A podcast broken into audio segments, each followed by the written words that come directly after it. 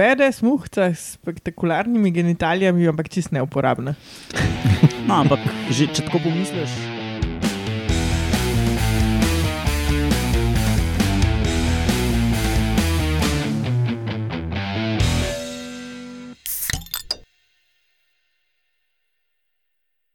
Lepo zdrav, poslušate 169. oddajo Metamorfoza, podcast o biologiji organizmov, ki jo, kot vedno, predstavljamo skozi lahkoten pogovor o pivu. Jaz sem Matjaš Gregorič in danes so z mano zakisani mesoljub Roman Luštrik, Uja, to pa res. spretna trobilka Urša Fležar, Nisem tako spretna. kdo to tam poje, požrešni komentator Lauro Rozman To je to. Je. in prekrita komentatorka Alenka Rozman. Lahko bi tudi rekel štorasta. In štorasta komentatorka Alenka Rozman. Ne, si res što res. Ja, Ja, Dobro. kot boš zvedel v 170. oddaji. Um, danes imamo na sporedu redno oddajo z novico o tem, um, to sem dobesedno prevedel začetek naslova članka, zakaj je čebela pojedla kuro. kaloh. In potem imamo danes segment, kdo to tam poje, ker bo Urša razložila zvok, ki smo ga spustili na koncu prejšnje oddaje. In vaški posebnež, obmorska muhica, ki napada vitičnjake. Mm. Uh. Pa ne, vitičnjake. A bomo še kaj o vitičnjakih? ja. Ja, drugače pa spletna bazna postaja podcasta je na medijskem mreži Metina Lista, vse druge admin zadeve na koncu. Eh, Hvala Agenciji za raziskovalno dejavnost Republike Slovenije, da nas tudi letos v zadnjih mesecih leta financirajo. Se priporočamo tudi naslednjo jesen. A Ja, če se že zahvaljujemo, um, ena naša poslušalka uh, je dala tam le, kaj so tole? Lind, Lindor, neke kugalce. Uh, tako da v naturalijah smo dobili za podcast. Pa s pretečenim Hvala. rokom. Ja, si Roman povedal prej. Glih. čist dobri. Hvala, poslušalka. Še vedno so dobri, tudi če imajo pretečen rok. Okay, povemo, kdaj to snimamo, potem pa zagrizemo to oddajo. Na današnji dan, leta 1967, torej pred natanko 54 leti, so v Cape Townu v Južni Afriki izvedli prvo transplantacijo srca. A tam se je to zgodilo? Um, jaz imam pa eno, najprej eno kulturno. Na današnji dan, leta 1800, je bil rojen France Preširen uh, Uh. in tudi njegova hči Ernestina Jelovšek. Um, A na isti dan? Ja, ne pa istega leta. Ja. Tada, ja. Pa še ena, taka bolj državniška. Uh, leta 2008 je več kot 100 držav, vključno Slovenijo, podpisalo pogodbo o prepovedi kasetnega streljiva. Ker leta 2008 so bile bolj že ta USB streljiva bolj popularna. tako Da... Pa tudi DDV, DVD. Izjemna informacija, Roman. Kaj ste rekel, disketni ali kasetni? Disketni. Uh, uh, pa mogoče še eno kulturno. Da hitro. Leta 1894 je umrl Robert Louis Stevenson. On je bil avtor uh, Otoka zakladov, če je kdo gledal. Ja. Um, prikol te, Smo. to sem že govoril, po mojem, pred leti. Uh, prikol te knjige je pa uh, na Netflixu, vsaj na Netflixu je serija Black Sails. Tako da uh, meni je bilo v redu, če pa probite, če je tudi Ja, to. vsaj, vsaj do neke točke je bila zelo za gledati, pol na koncu se je malo, so se malo zaštrikali, ampak je bilo za pogled. Ok, smo? Gremo, štartamo. Ja, zelo smo.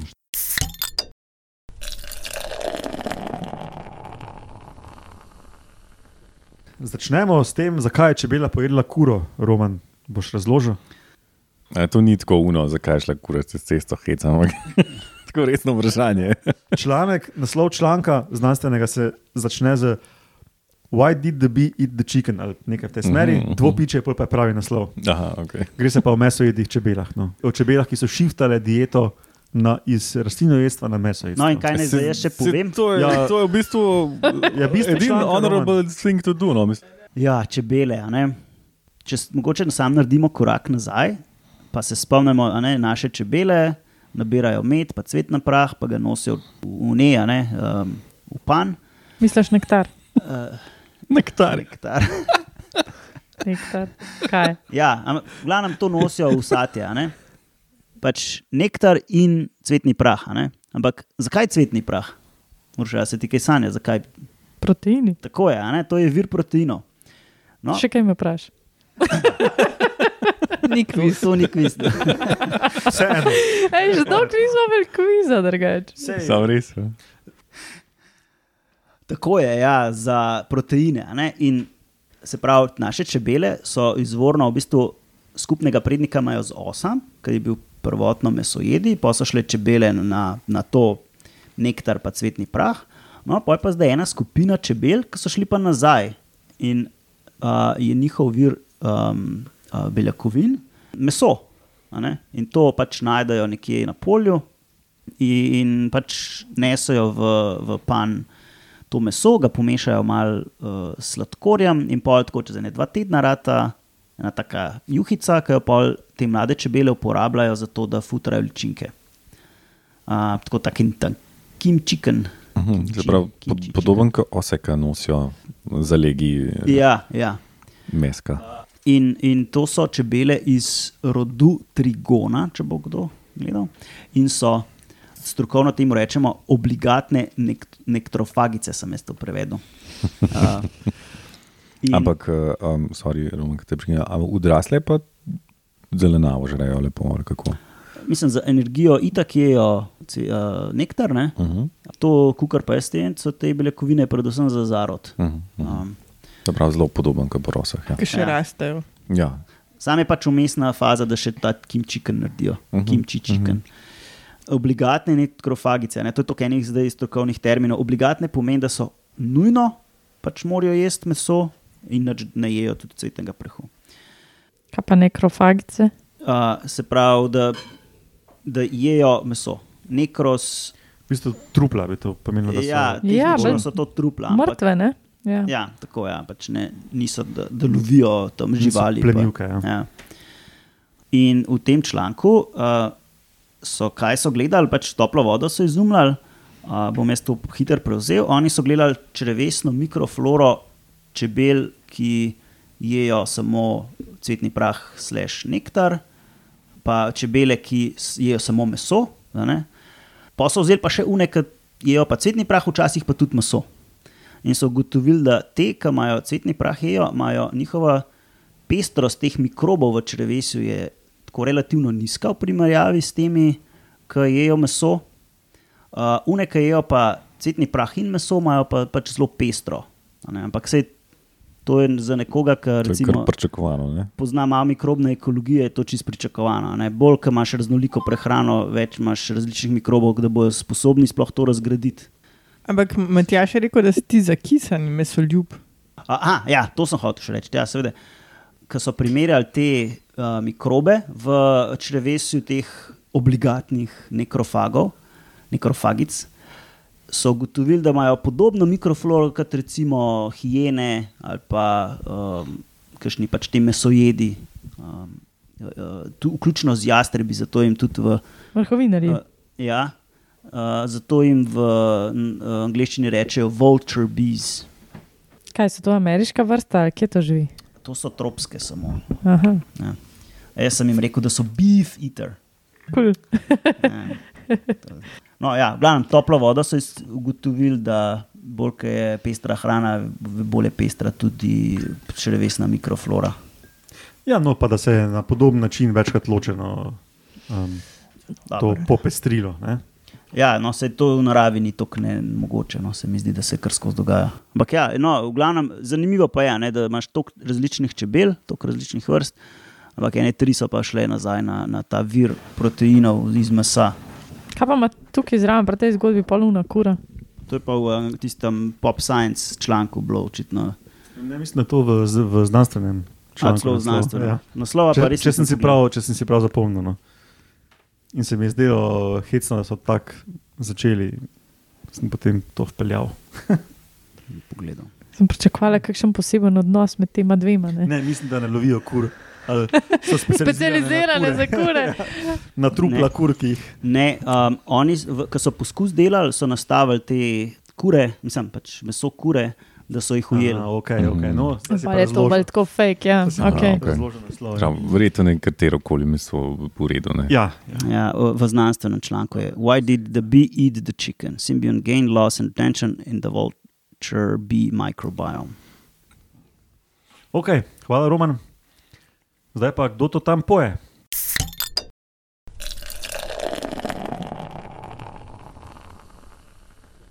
Čakaj, bom še enkrat probala. Zdaj pa res spustimo tisti zvok, ko smo ga zadnjič spustili.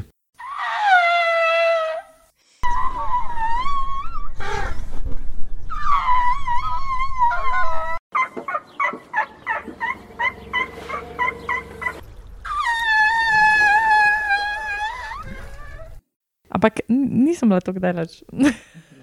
Zdaj v mojih ušesih. Okay, kaj, uh, povemo najprej nekaj o ugibanju. Ja, daj, daj. Ko sem jaz to zadnjič zašpilal, pa noben od vas še ni vedel, sta Urša in Roman rekla delfin.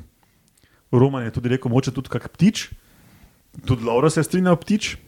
No, razen vas je pa še Igor R. iz Twitterja ugibal, da je to mogoče morska krava. Eh, Blaž na Twitterju je pa rekel, da, BlaZZ, da je to pretežek zvok za prvič. Tako da v bistvu ste večinoma ugibali morski sesalci ali ptiči. In um, z sesalci vsaj, ste vsaj širšo žlahto trofli, ne Urša. Ti pa zdaj povedala malo več o tem. Ja. Vsi smo imeli narobe, praktično. Ampak eh, to je ta indoktrinacija, po mojem, zato ker vsi se že od mehkega učimo, kako se kakšna žival oglaša, ne, z- vključno s tistimi pojočimi knjigami, ki jih imamo in tako naprej. Ja. Spomnila sem se ene knjige, kako se mačke oglašajo. A veš, mu težko Ja, smo podedovali to. Ko miti in maca Ja. ja. pijeta z lastnim mlekec. Z vlastnim lekcem. Ja. Ja, dobesedno. Ja, No, predvsej tako je. Ja. pa ne bi bilo čuden, če bi tudi v tej knjigici bilo uh, kaj tajnega, da, mislim, da bi pač Dobar, se na robe lahko naučili. No. Skratka, um, ta zvok delajo sloni. In pa je to zaenkrat samo azijski sloni, E, zato nismo razumeli. okej. zato Ja. ja. niste razumeli. Čudaki. Tako da ja, ja, sloni in ta glavna v bistvu novost tega zvoka, ne samo to, ne, da so zdaj to nekako odkrili, opisali eh, in, in nekako tudi posneli, ne, tako kot smo slišali, je to, da so posneli ta zvok na način z enim takim urodjem, ki omogoča, da tudi vidiš, iz kje je zvok prišel. Jaz si tega ne predstavljam čisto točno, ampak naj bi obstajala neka zvočna kamera, ki uh, ob tem, ko snema zvok, nekako projicira tisti zvok v barvah. In očitno so pač neki tisti globi zvoki z nižjimi frekvencami, vsi izvirajo iz uh, grla požiralnika, ne? tako kot naprimer nizozemci z unimi svojimi hej, hoj in ne vem kaj. Ne? Tam bi bilo verjetno zelo temno, vijolično, modro, ne vem kakšno, ne? si jaz predstavljam. Medtem ko zvoki, ki jih pa produciramo z usti, še posebej z ustnicami, imajo pa te, recimo, barve, da si predstavljamo, se ne vem, če to res, ampak take rumene, uh, roza, take svetlejše, živahnejše barve. Ne? No, in na tak način so v bistvu ugotovili tudi, da ti novi zvoki so izključno narejeni s pomočjo ustnic.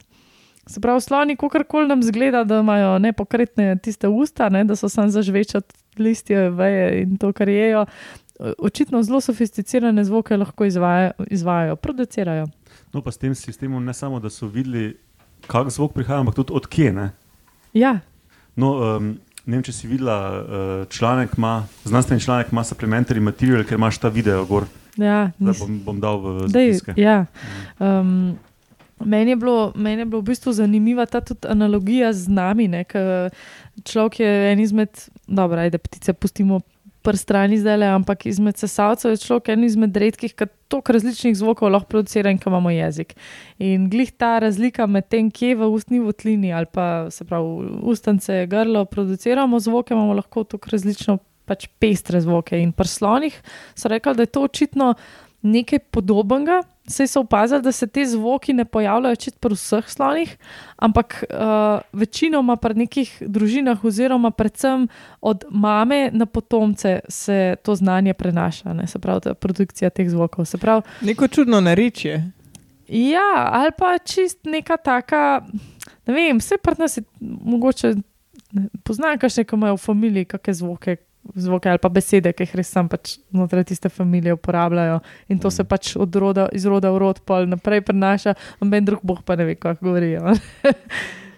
Tako da ja, je, je bilo v bistvu presenečenje, ne, ker tudi nisem vedela, da tako velika žival lahko take eh, high pitch, se pravi z visoko frekvenco zvoke producira, ki so ponavadi tudi značilni za manjše sesalce, ampak evo jih ne, očitno so sposobni.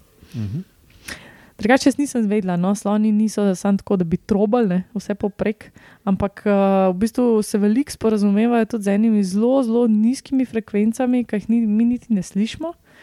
Jaz sem sicer slone v Afriki, slišala, da so rumbling, se temu reče po angliški, ki so tisto nekako, da bi mal mrmrali med sabo. Uh, to se še sliši, ampak grejo še bistveno nižje od tega. In imajo uh, že itak no, ne, neko, ne, nek repertoar, ki, ga, ki smo ga poznali, to je pa zdaj pač novo in opisano po razijskih slonih. No, da, da delajo tudi zvoke, kot jih delajo uh, trobentači, Ja. uh, človeški. Lik zato jaz nisem takoj na slone pomislil, ker pač jih ne slišimo. Vedel sem pa, da imajo v tem infraspektru, kako bi rekel, uh, tudi zvoke, ki jih pač pol moraš v bistvu nekako prevesti, zato da jih sploh lahko slišiš. Ja, ok. Hvala, Urša. Gremo kar na današnje vaše posebneže.